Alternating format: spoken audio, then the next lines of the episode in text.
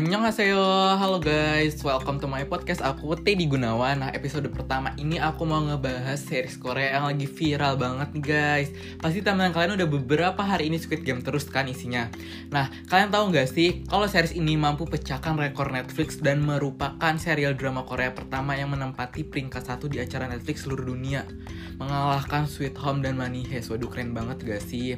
FYI nih guys, sutradara series ini membutuhkan waktu 13 tahun loh untuk garap serial ini niat banget gak sih sutradaranya ya ampun kalian udah mikirin belum nih 13 tahun ke depan bakal bikin apa atau project apa gitu kan Nah Cinggu, para pemain Squid Game ini merupakan aktor-aktor senior loh di antaranya ada Park Hae-soo, Lee Jung Jae, Gong Yoo. Aduh siapa sih nih yang gak kenal sama Gong Yoo, Sugar Daddy dari film Train to Busan dan masih banyak pemeran lainnya. Yang paling ikonik ada Wi Ha Jun nih guys, dia aktor uh, masih pemula ya lah intinya tapi dia aktingnya kayak bagus banget jujur.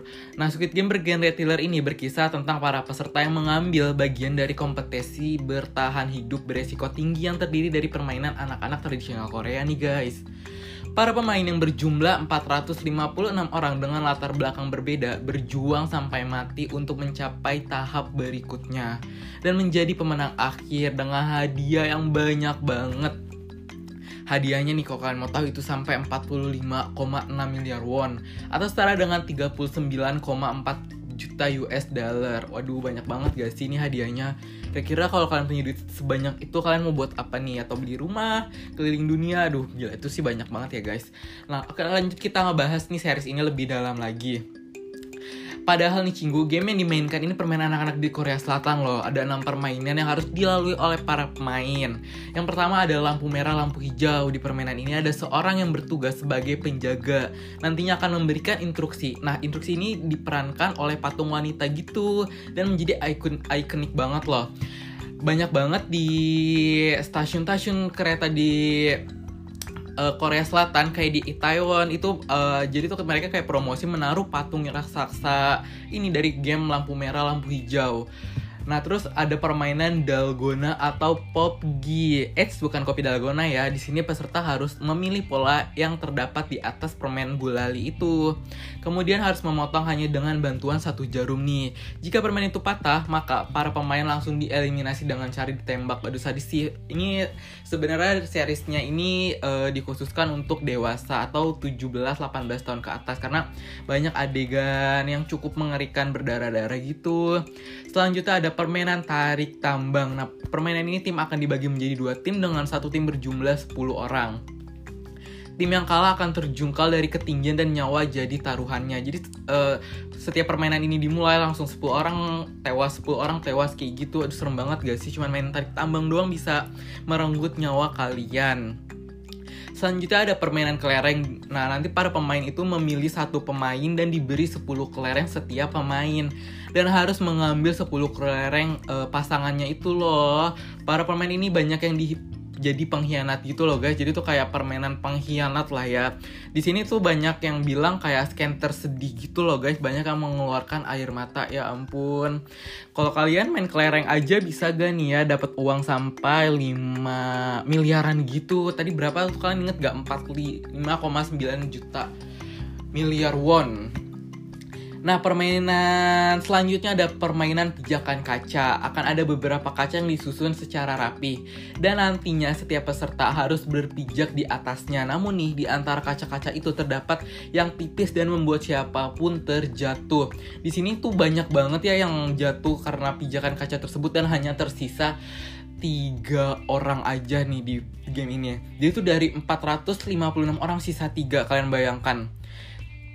Nah, permainan game terakhirnya ada Ojingonori. Permainan ini bisa dimainkan oleh anak-anak Korea Selatan, di mana nantinya akan dibagi dua tim, yakni tim bertahan dan tim menyerang. Banyak banget pelajaran yang bisa diambil nih dari series ini nih, guys. Pertama, pantang menyerah.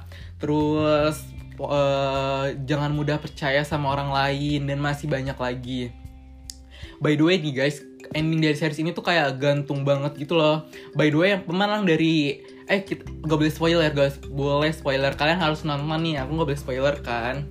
Nah kalian tahu gak sih sutradara dari series ini udah mengkonfirmasi kalau dia tidak akan ada season 2 nya padahal banyak sekali yang mengharapkan bakal ada season 2 jadi aduh kayak sedih banget gak sih nggak ada season 2 nya karena menurut sutradara dia tuh udah cukup lelah untuk season satunya karena dia membutuhkan waktu sampai 13 tahun. Waduh kalian bayangin gak sih kalau butuh 13 tahun lagi 2034 baru ada lagi. Gila.